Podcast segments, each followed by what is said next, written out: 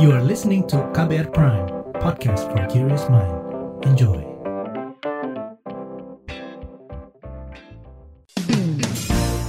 Anda mendengarkan Ruang Publik edisi khusus Indonesia Baik. Bersama kita jadikan Indonesia baik.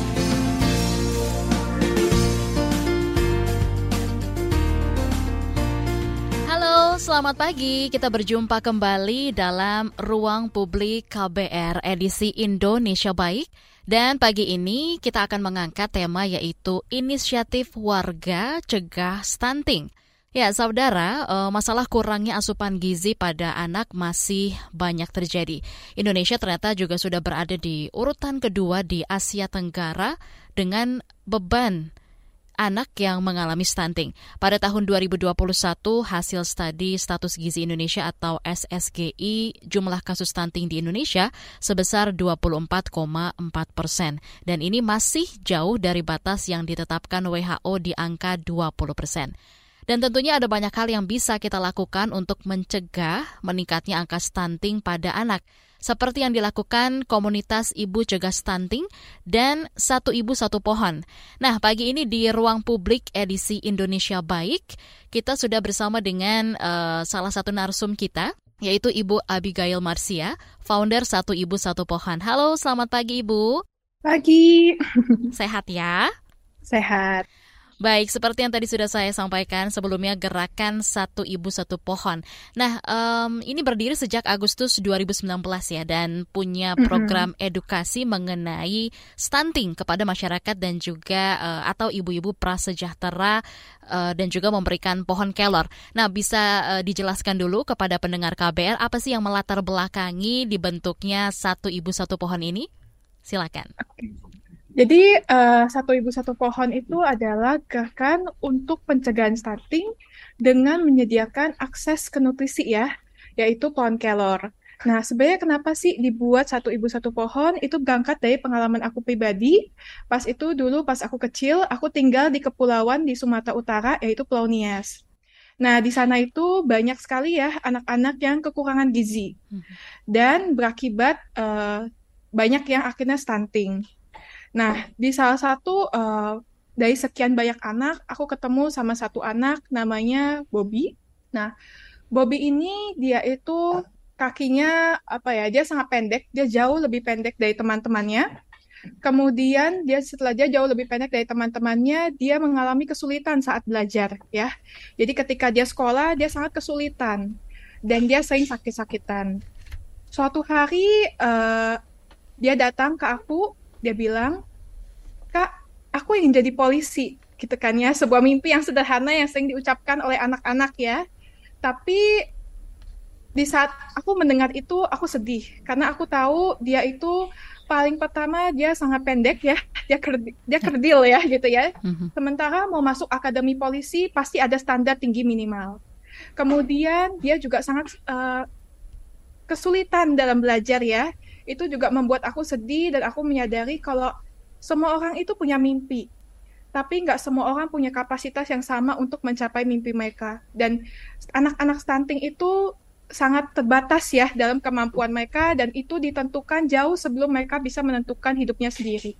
Hmm. Jadi stunting itu adalah malnutrisi pada seribu hari pertama kehidupan, dimulai dari saat bayi, gitu kan ya, hmm. saat hamil lebih tepatnya ya, saat ibunya hamil sampai anaknya itu berusia 2 tahun dia tidak makan dengan tepat ya, sehingga saat dia dewasa dia memiliki perkembangan otaknya terlambat gitu kan ya secara IQ, EQ, kesehatannya juga kurang dan banyak sekali dampak-dampak yang akhirnya ikut dan itu permanen dan tidak bisa disembuhkan lagi.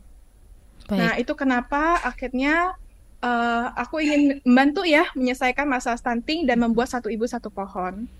Jadi bisa dibilang latar belakang berdirinya komunitas ini uh, sangat personal ya Ibu Abigail ya. Mm-mm. Baik, nah um, bisa dijelaskan juga apa yang membuat komunitas satu ibu satu pohon ini peduli terhadap pencegahan stunting? Iya, jadi seperti yang aku udah ceritakan sebelumnya ya, memang ini berangkat dari pengalaman pribadi bertemu dengan satu anak yang stunting gitu kan ya, penyintas stunting dan mungkin karena ini uh, lihat depan mata ya gitu kan ya. Akhirnya melihat angka 9 juta anak stunting di Indonesia itu sangat mengerikan. Mhm. Karena aku tahu betapa uh, kerasnya mungkin betapa sedihnya ya kalau kita mempunyai mimpi tapi kita nggak bisa mencapainya karena keterbatasan yang kita nggak bisa bahkan kita nggak bisa atur sendiri ya itu terjadi bahkan sebelum kita bisa menentukan hidup kita sendiri itu kenapa uh, satu ibu satu pohon peduli terhadap isu stunting. Nah, mungkin aku sedikit bercerita gitu kan ya, hmm. kenapa kita memilih pohon kelor gitu kan ya yeah. untuk membantu penyelesaian masalah stunting di sini. Jadi memang salah satu berangkat dari pengalaman aku juga ketika aku di NIAS gitu kan ya, aku banyak melihat ibu-ibu mengerti bahwa makanan bergizi itu penting karena edukasi pemerintah sudah sangat bagus ya di situ ya. Ibu-ibu semua mengerti ketika ditanya mereka tahu mereka harus makan yang sehat gitu. Mm-hmm. Tapi pada kenyataannya mereka tidak makan. Jadi mereka tetap memberikan anaknya ketika anaknya pernah aku lihat sekali anaknya itu baru lahir, dia nggak kasih anaknya air ASI, mm-hmm. tapi dia kasih anaknya air gula, gitu, okay. air gula batu. Dan ketika ditanya dia tahu harus makan bergizi, tapi dia tidak memiliki akses untuk makanan-makanan bergizi.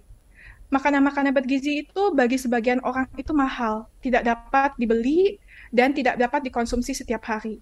Daging itu mahal, susu itu mahal. Akhirnya ini membuat aku ingin membuat solusi memberikan akses makanan yang bergizi buat mereka. Hmm. Dan pohon kelor adalah salah satu makanan yang sangat bergizi ya. Dia adalah salah satu pohon paling bergizi di dunia dengan dia memiliki empat kali kalsium susu, dia punya dua kali proteinnya yogurt, tujuh kali vitamin C-nya jeruk, dua kali zat besinya bayam, dan dia punya banyak sekali nutrisi ya. Dia ada 92 mikronutrien dan juga antioksidan. Ini kenapa akhirnya aku melihat kelor itu menjadi salah satu alternatif solusi untuk menyediakan akses ke mereka karena bisa ditanam depan rumah dan mereka bisa petik dan konsumsi setiap hari tanpa biaya. Hmm, baik. Uh, Ibu Abigail dan juga pendengar KBR, kita juga masih menunggu Dokter Nopi, founder komunitas Ibu Cegah Stunting untuk bergabung di ruang publik KBR pagi hari ini. Nah, uh, bicara soal manfaat kelor yang tadi Ibu Abigail sampaikan ya, apakah ini un hanya untuk mencegah stunting? Uh, apa saja nih manfaat kelor lainnya terkait dengan kesehatan? Iya, jadi uh, sebenarnya kelor sendiri itu adalah makanan bergizi yang bisa dikonsumsi oleh semua orang. Tapi memang untuk di kasus ini saya menggunakan kelor untuk membantu pencegahan stunting karena memang kelor itu dia cocok ya kalau misalnya di luar negeri dia sudah dipanggil sebagai sahabat ibu. Karena pada saat di ibu hamil dia memiliki zat besi yang tinggi dan asam folat yang tinggi yang itu adalah nutrisi yang sangat penting ya untuk ibu hamil dan membantu mencegah anemia karena anemia adalah salah satu kontributor utama stunting pada saat tahap ibu hamil. Kemudian pada saat ibu menyusui, dia memiliki galakto. Galakto adalah prekursor untuk menstimulasi ASI ya. Jadi dia ASI booster yang juga sudah digunakan oleh banyak di luar negeri sana dan sudah terbukti oleh riset. Kemudian pada saat dia balita, dia memiliki kandungan mikronutrien yang jauh lebih tinggi ketimbang sumber-sumber nabati lainnya. Jadi uh, pohon kelor kalau bisa kita lihat dari tiga tahap ya, ibu hamil, ibu menyusui sampai balita, dia sangat bisa membantu untuk pemenuhan nutrisi ya di hmm. saat seribu hari pertama kehidupan. Jadi di saat seribu HPK-nya ya, Ibu Abigail. Mm -hmm. Nah, um, bisa sekarang kita melihat gitu ya, Ibu. Uh, saat ini juga banyak kan ekstrak daun kelor yang dijual di pasaran gitu. Nah, kalau menurut mm -hmm. Anda mana nih yang bagus? Eh, apakah yang fresh atau seperti apa pengolahannya supaya gizinya juga tetap bisa dimaksimalkan dengan baik saat dikonsumsi oleh si ibu? Ya, jadi ini pertanyaan yang paling sering ditanyakan sama ibu-ibu ya. Apakah sebenarnya dikonsumsi secara natural atau ekstrak atau bubuk? Nah, hmm. sebenarnya semuanya sama saja. Yang penting tidak terlalu banyak diproses, karena ketika banyak diproses pasti ada nilai gizi yang berkurang. Mm-hmm. Nah, kemudian tapi sebenarnya kalau dalam kandungan gizinya sama saja. Karena kalau misalnya dia dalam bentuk yang alami, gitu kan ya. Dia tetap memiliki gizi yang banyak gitu kan ya dan juga dia kandungan airnya masih ada gitu. Kemudian pada saat dia diubah jadi ekstrak atau bubuk kelor, itu biasa kandungan air sudah dihilangkan hmm. sehingga kandungan gizinya itu biasa lebih padat. Nah, biasanya aku memang menganjurkan kalau untuk balita Ya. yang memang masih belum bisa makan banyak, mereka hmm. perlu makan yang padat. Jadi boleh pakai ekstrak kelor atau bubuk kelor. Tapi untuk ibu gitu kan ya, hmm. nah bisa banyak variasinya, bisa konsumsi ekstrak, bubuk ataupun yang alami sama saja. Hmm, gitu. Nah, um, tadi kan Ibu sempat sebutkan gitu ya kalau balita itu bisa mengkonsumsi yang padat atau dalam bentuk bubuk. Tapi kalau untuk intensitas gitu, seberapa sering boleh mengkonsumsi sayuran kelor atau ekstraknya itu seperti apa Ibu? Ya, jadi sebenarnya kelor itu adalah keluarga katuk ya, yang sebenarnya bisa dikonsumsi setiap hari dan aman. Dia bukan senyawa uh, obat-obatan gitu kan ya, jadi aman sekali untuk dikonsumsi setiap hari. Hmm. Jadi kalau misalnya aku selalu mengedukasi ibu-ibu untuk mengkonsumsi kelor setiap hari segenggam, tapi tidak usah dimasak sayur bening tapi dicampur... Kalau saya sayur bening, Dok, uh, apa Bu dulu. Karena lebih segar ya. Uh, Bisa pakai nasi. iya, cuman kan kalau iya, misalnya iya. buat pemenuhan gizi tiap yeah. hari agak berat ya makan sayur bening kan ya mm-hmm. gitu. Jadi selalu aku edukasi untuk dicampurkan ke makanan sehari-hari. Jadi apa pun makanannya kita campurkan kelor karena kelor itu daunnya kecil-kecil gitu kan ya. Jadi misalnya masak nasi, kita campurkan kelor biar agak cantik kayak nasi liwet gitu ya. Mm-hmm. Terus kemudian masak telur dadar gitu kan ya. Atau masak sayur apa pun kan bisa dibikin fusion ya dengan kelor gitu. Jadi banyak sekali variasi makanan yang bisa dibuat bersama kelor dan kelor aman dikonsumsi setiap hari. Hmm, seperti itu. Nah, uh, ini kan selama pandemi gitu ya, Ibu ya, uh, mm-hmm. banyak masyarakat perkotaan yang memulai urban farming. Apakah ini bisa jadi target komunitas kah atau seperti apa? Oke, urban farming sebenarnya adalah uh, basically bersawah di kota ya. Jadi maksudnya kayak kita menanam pohon di kota gitu ya. Hmm. Ya sebenarnya bisa-bisa aja. Dan mungkin aku sedikit bercerita ya, kenapa ya. kelor gitu ya di antara semua pohon. Karena hmm. pohon itu memang susah untuk dirawat ya, tidak gampang ya. Tapi khusus kelor itu dia sangat mudah dirawat. Dia bukan tanaman anggrek gitu kan ya, dia sangat-sangat mudah dirawat, jadi dia bisa ditanam aja, bahkan nggak usah disiram, dia bisa hidup dengan sendirinya.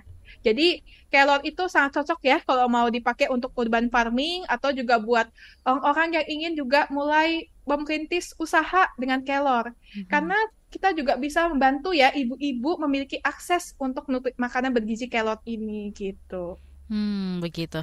Nah, eh, ini sangat menarik sekali ya pembahasan kita di pagi hari ini pendengar di ruang publik KBR dengan tema inisiatif warga cegah stunting.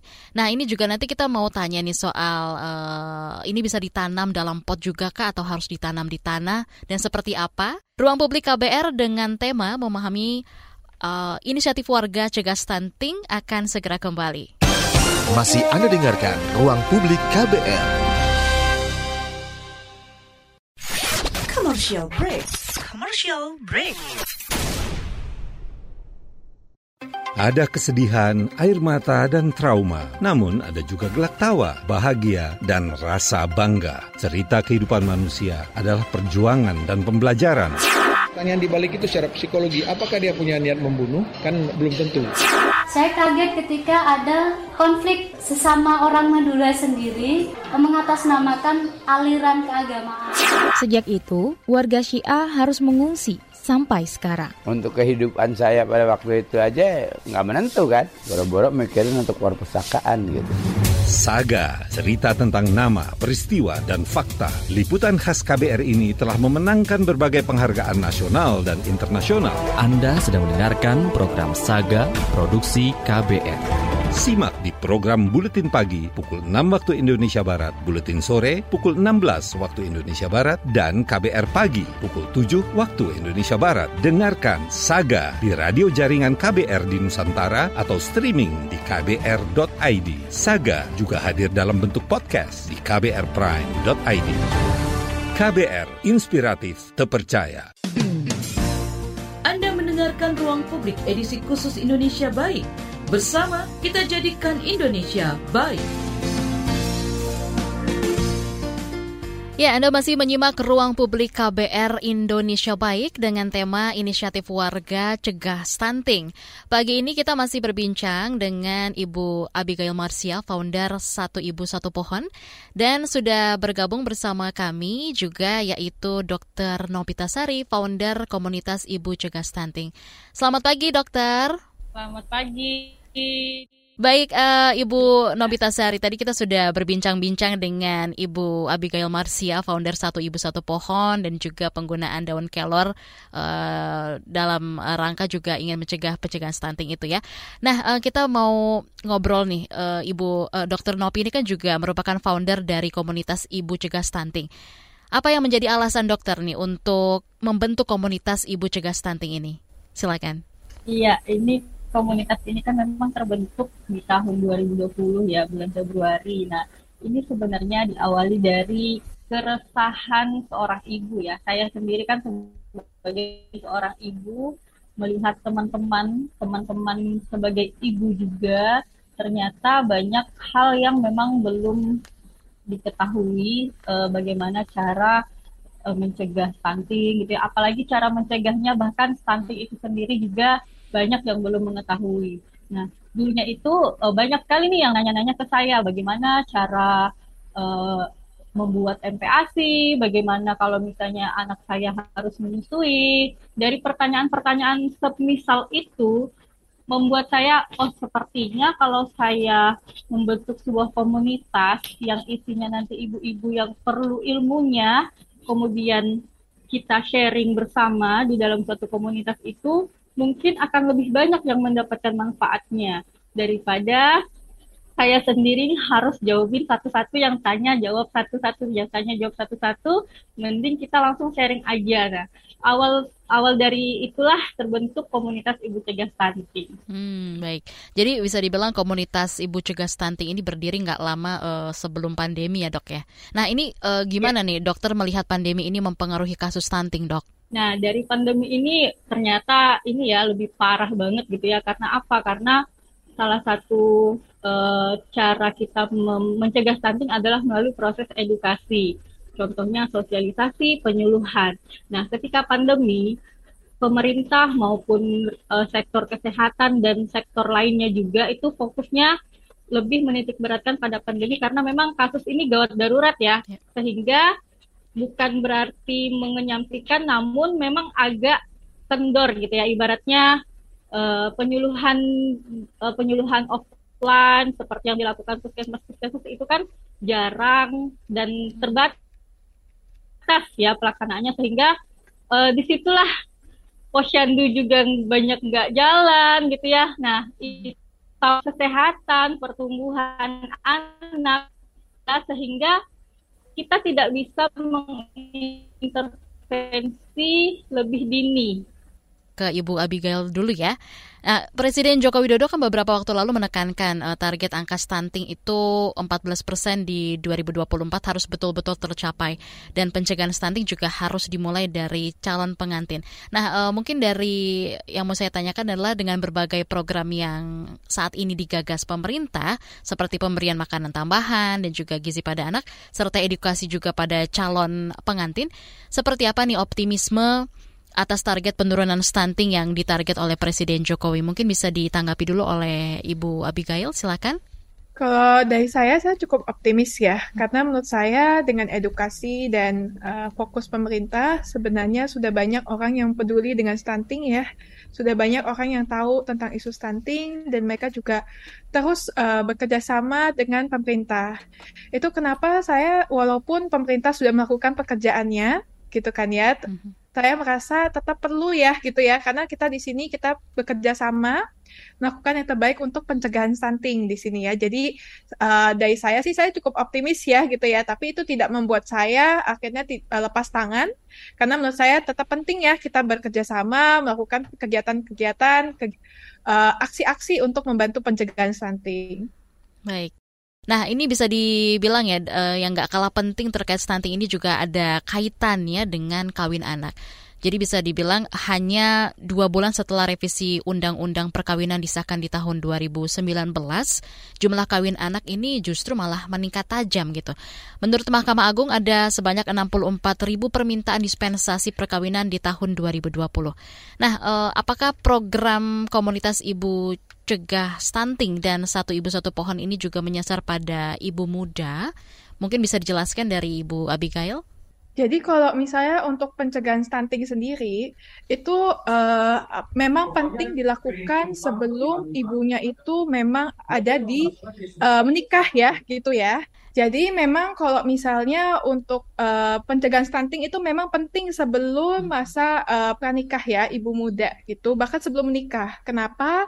Karena memang kebutuhan saat gizi saat hamil itu meningkat sangat jauh ya, sangat tinggi.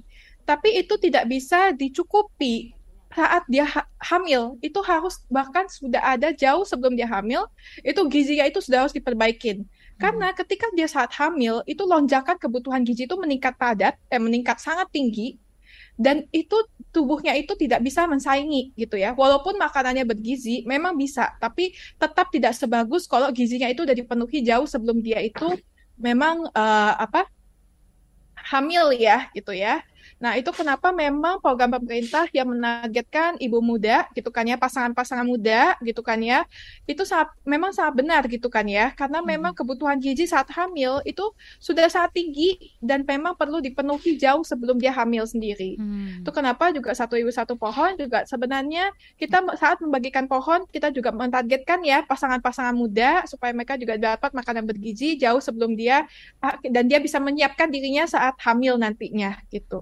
Nah, um, bisa dibilang terkait program yang dimiliki satu ibu satu pohon nih. Seperti apa nih tantangan di lapangan dengan edukasi soal stunting ini dan pembagian pohon kelor ini, Bu?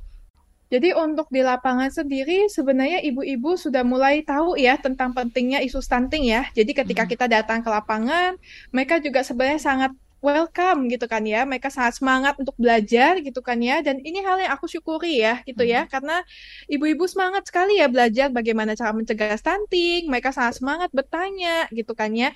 Jadi sebenarnya kendalanya itu tidak ada gitu kan ya. Sebenarnya kendala yang besar banget tidak ada ya. Karena sebenarnya hmm. baik dari ibu lembaga pemerintah semuanya itu mereka sangat gecep ya. Sangat uh, welcome untuk kita membantu edukasi tentang stunting. Hmm, baik.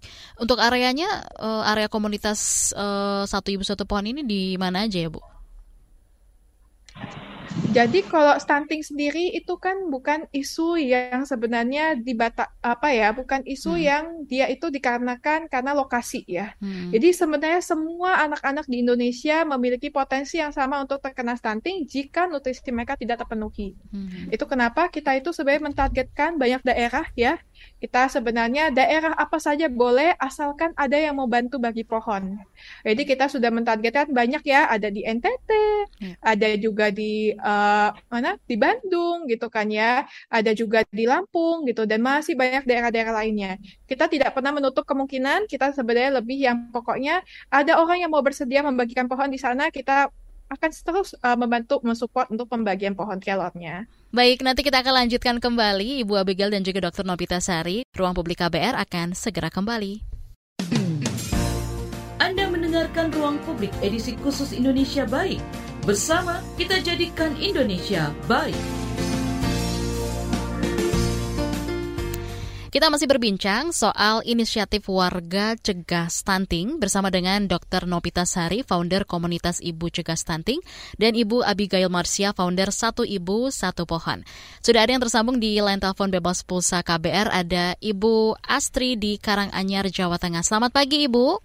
Selamat pagi. Ya, silakan dengan pertanyaannya. Ini selamat pagi buat Ibu Tegar dan saya mau ini mau tanya soal itu daun kelor Bu.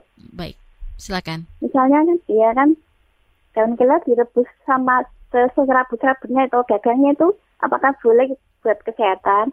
Dan misalnya kalau ditaruh di dalam kulkas terus diminum dingin-dingin itu bagi kesehatan apakah boleh Bu? Dan misalnya kalau merebusnya itu minimal untuk berapa kali rebusan. Kalau misalnya yang direbus itu daunnya satu panci. Itu aja ya Bu. Terima kasih mohon dijawab.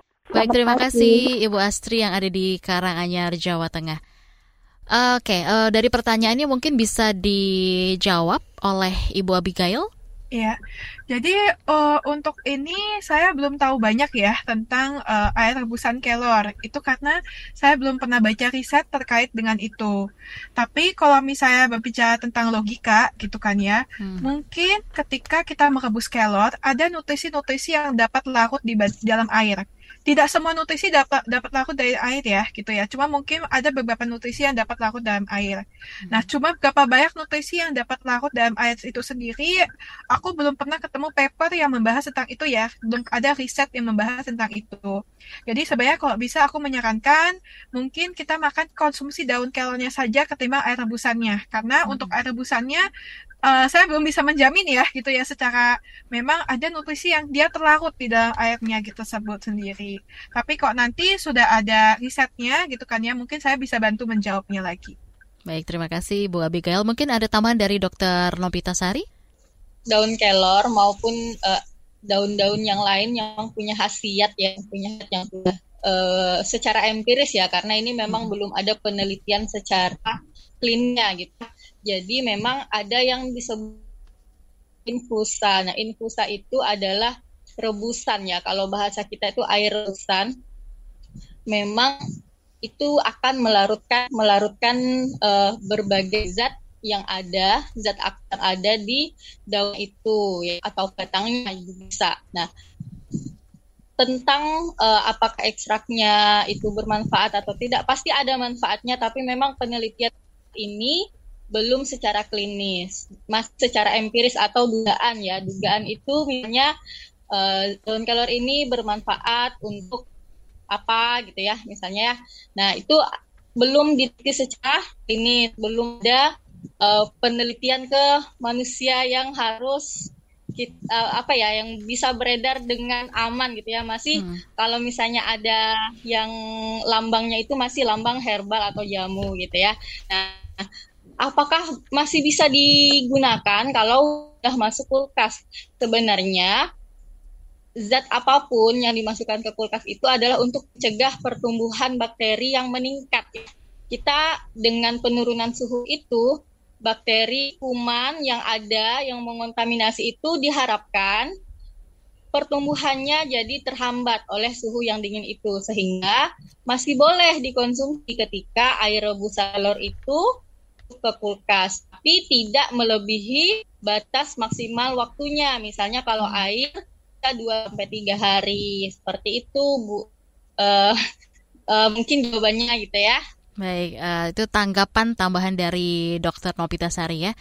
Kita uh, beralih ke YouTube Berita KBR. Kita baca beberapa tanggapan-tanggapan yang sudah masuk. Ada dari Radio Mandala. Halo, selamat pagi. Terima kasih sudah bergabung. Moringa olivera atau daun kelor berjuta manfaat. WHO mengatakan miracle tree untuk sayur bagus buat kulit dan kesehatan. Terima kasih. Melanjutkan tadi yang sempat terputus pertanyaannya mengenai optimisme nih, uh, dokter. Presiden Joko Widodo kan beberapa waktu lalu menekankan target angka stunting 14% di 2024 itu harus benar-benar tercapai. Nah, dan pencegahan stunting ini juga harus dimulai dari calon pengantinnya. Nah, um, dengan berbagai program yang saat ini sedang digagas oleh pemerintah, seperti pemberian makanan tambahan gizi pada anak, kemudian juga edukasi pada calon pengantin, seperti apa nih optimisme atas target penurunan stunting yang ditarget Presiden Jokowi menurut Anda?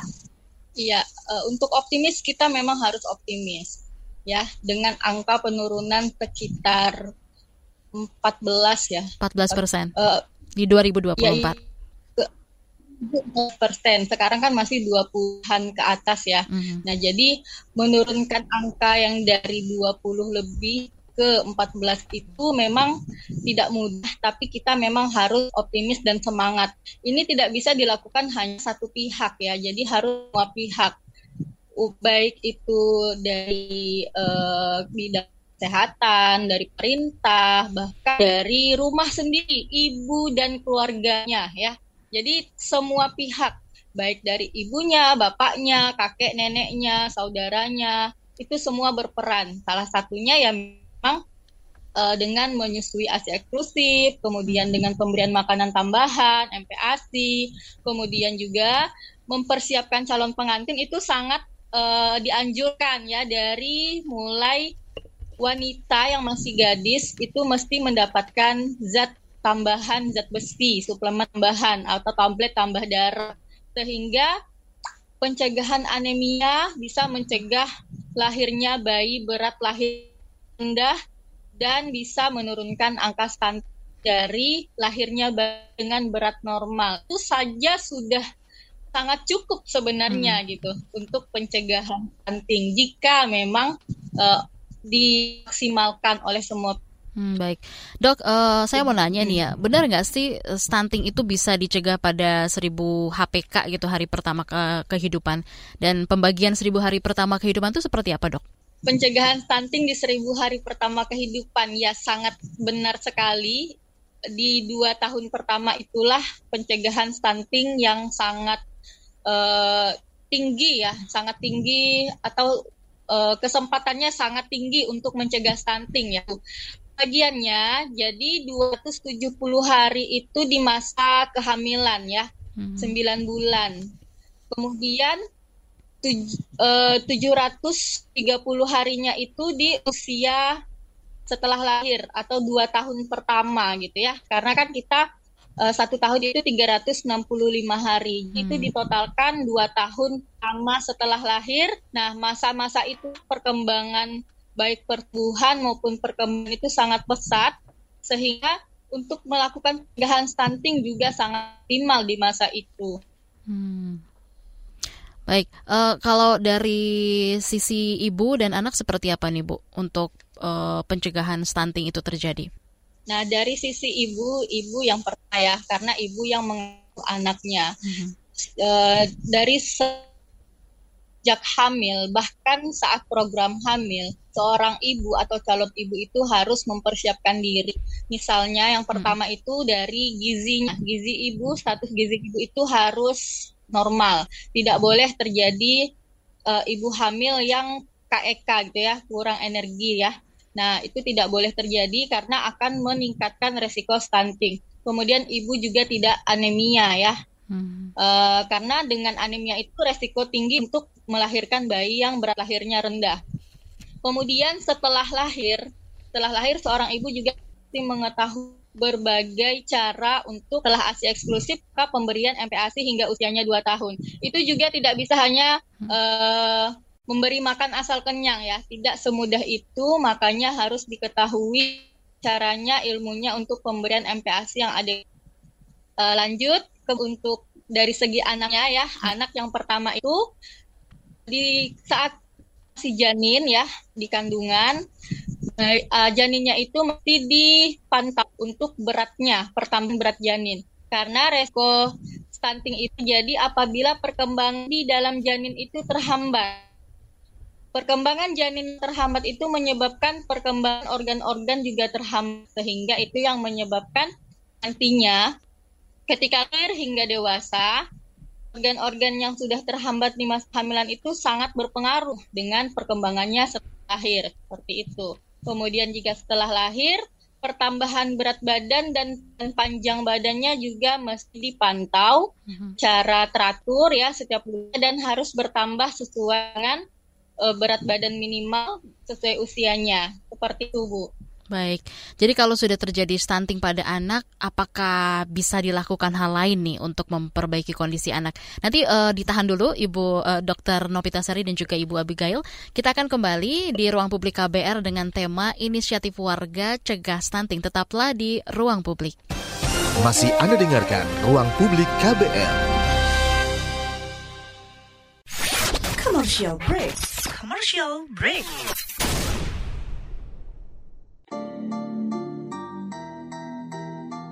Come on yo Buat yang sukanya berhoax You better listen to this one. Check this one out yo. Hati-hati kalau baca kabar. Hoax. Jangan langsung disebar kabar yang Hoax. Kalau mau tahu kabar benar atau Hoax. Dengerin cek fakta yang pasti bukan Hoax Dengerinnya setiap Senin yang jelas bukan hoax. Cuma ada di kbrprime.id dan aplikasi podcast lainnya. Hoax. Sudah cukup-cukup hoaxnya? Hoax. Cukup. Jaga emosi, tahan jari, verifikasi sebelum dibagi. Saya Aribo Sasmito, Ketua Komite Pemeriksa Fakta Mafindo. KBR Prime, podcast for curious mind. Anda mendengarkan Ruang Publik edisi khusus Indonesia Baik. Bersama kita jadikan Indonesia baik. Ya, kita tiba di bagian akhir ruang publik KBR edisi Indonesia Baik di hari ini. Dan bagi Anda yang tidak sempat mendengarkan siaran ini secara utuh, Anda bisa dengarkan kembali di kbrprime.id, kemudian Anda pilih ruang publik. Kita masih membahas soal inisiatif warga cegah stunting bersama dengan Dr. Nopita Sari, founder komunitas Ibu Cegah Stunting, dan Ibu Abigail Marsya, founder Satu Ibu Satu Pohon. Melanjutkan yang tadi ya dok ya dan juga Ibu Abigail uh, terkait kalau sudah terjadi stunting pada anak, apakah bisa dilakukan hal lain untuk memperbaiki kondisi anak tersebut? Silakan dok. Kalau misalnya sudah terjadi stunting, sebenarnya untuk perbaikan itu tidak bisa lagi ya, karena stunting itu irreversible, yang sudah terjadi tidak bisa dikembalikan lagi atau diperbaiki kembali. Tapi kita tidak boleh semangat kita tidak boleh ya sudahlah gitu ya tidak boleh seperti itu sehingga kita mesti tetap optimalkan stimulasi dan nutrisi setelah diketahui bahwa anak itu memang stunting. Tetap ya, nutrisi itu sangat penting di usia berapapun, tidak mengingat usia hanya di dua tahun pertama kehidupan atau 1000 HPK itu, tapi selanjut, selanjutnya pun tetap harus ditingkatkan ya, dioptimalkan. Kemudian juga untuk me memaksimalkan, mengoptimalkan potensi yang ada pada anak itu, maka kita harus memberikan stimulasi psikososial. Contohnya seperti misalnya stimulasi bahasa, stimulasi uh, sosial seperti misalnya di PAUD atau TK. Nah, itu juga tetap harus dioptimalkan. Seperti itu, Bu. Baik dok, ini ada yang bertanya dari Flamboyan FM Channel. Halo, selamat pagi. Apakah gejala stunting bisa dideteksi sejak dini dan apakah stunting ini bisa juga karena keturunan dan apabila ada anggota keluarga yang menderita stunting? Seperti apa nih? Bisa ditanggapi oleh Dokter Novi, Dokter Nopi? Baik, uh, untuk indikasi apakah anak ini resiko stunting ya, ciri-cirinya hmm. seperti apa? Memang dari awal kelahiran itu kita pantau badannya pertumbuhannya. Pemantauan berat badan tidak naik dalam beberapa bulan berturut-turut itu memang sudah menunjukkan resiko ya. Resikonya atau dengan growth faltering atau pertumbuhan yang terhambat. Kemudian nanti setelah usianya di atas dua mm-hmm.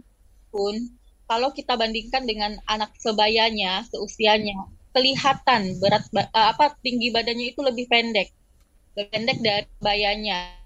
Atau kalau dilihat dari kurva pertumbuhan itu minus standar minus dua standar deviasi. Nah ini nanti kalau misalnya uh, diplotkan ke kurva pertumbuhan yang ada di buku KIA itu lihat teman sebaya rupanya teman sebaya juga stunting itu itu kan hmm. jadinya nggak akurat. Lebih akurat menggunakan kurva pertumbuhan Kemudian, apakah stunting ini dipengaruhi oleh genetik? Ada pengaruhnya, terutama ketika ibu yang stunting melahirkan anak, ya. Nah, jadi resiko tinggi ketika ibu yang mengalami stunting itu ketika dia hamil, melahirkan, itu akan beresiko anak stunting. Tapi tapi tidak menutup kemungkinan ibu yang sebelumnya stunting ketika menjaga nutrisinya baik saat hamil, kemudian anaknya diberikan nutrisi yang baik setelah lahir, itu anaknya bebas dari stunting. Itu bisa sekali terjadi karena faktor yang lebih lebih tinggi untuk pencegahan stunting itu adalah dari lingkungan atau e, nutrisi yang kita berikan. Nah, itu salah satunya termasuk pencegahan stunting gitu. Baik. Kita lanjut uh, mungkin uh, ini terakhir ya yang bisa uh, disampaikan mungkin dari Dokter Nopi dulu. Kira-kira uh, seperti apa nih cara dan juga kalau mau bergabung di komunitas Ibu Cegah Stunting, Dok? Baik, kalau untuk bergabung dengan komunitas Ibu Cegah Stunting, Bunda hanya perlu mengikuti salah satu event kami ya. Event kami itu ada beberapa yaitu kuliah WhatsApp, kuliah Telegram, kemudian ada juga webinar dan kelas-kelas kursus untuk MPASI. Nah, jika ibu-ibu sudah mengikuti salah satu dari event yang kami laksanakan, maka sudah otomatis akan tergabung menjadi bagian dari komunitas ibu cegah stunting. Seperti itu. Mudah sekali untuk bergabung. Baik, jadi untuk Anda uh, pendengar KBR yang ingin bergabung di komunitas Satu Ibu Satu Pohon bisa langsung follow Instagram Satu Ibu Satu Pohon dan dapatkan informasi di sana ya. Baik, terima kasih uh, untuk kedua narasumber kita di pagi hari ini ada Dr. Nopita Sari, founder komunitas Ibu Cegah Stunting dan juga Ibu Abigail Marsha, founder Satu Ibu Satu Pohon dengan tema Ruang Publik KBR edisi Indonesia Baik yaitu Inisiatif Warga Cegah Stunting. Terima kasih juga untuk Anda pendengar KBR yang sudah berpartisipasi di Ruang Publik KBR hari ini. Saya Naomi Liandra pamit, selamat pagi. Baru saja Anda dengarkan Ruang Publik KBR. KBR Prime, cara asik mendengar berita. KBR Prime, podcast for curious mind.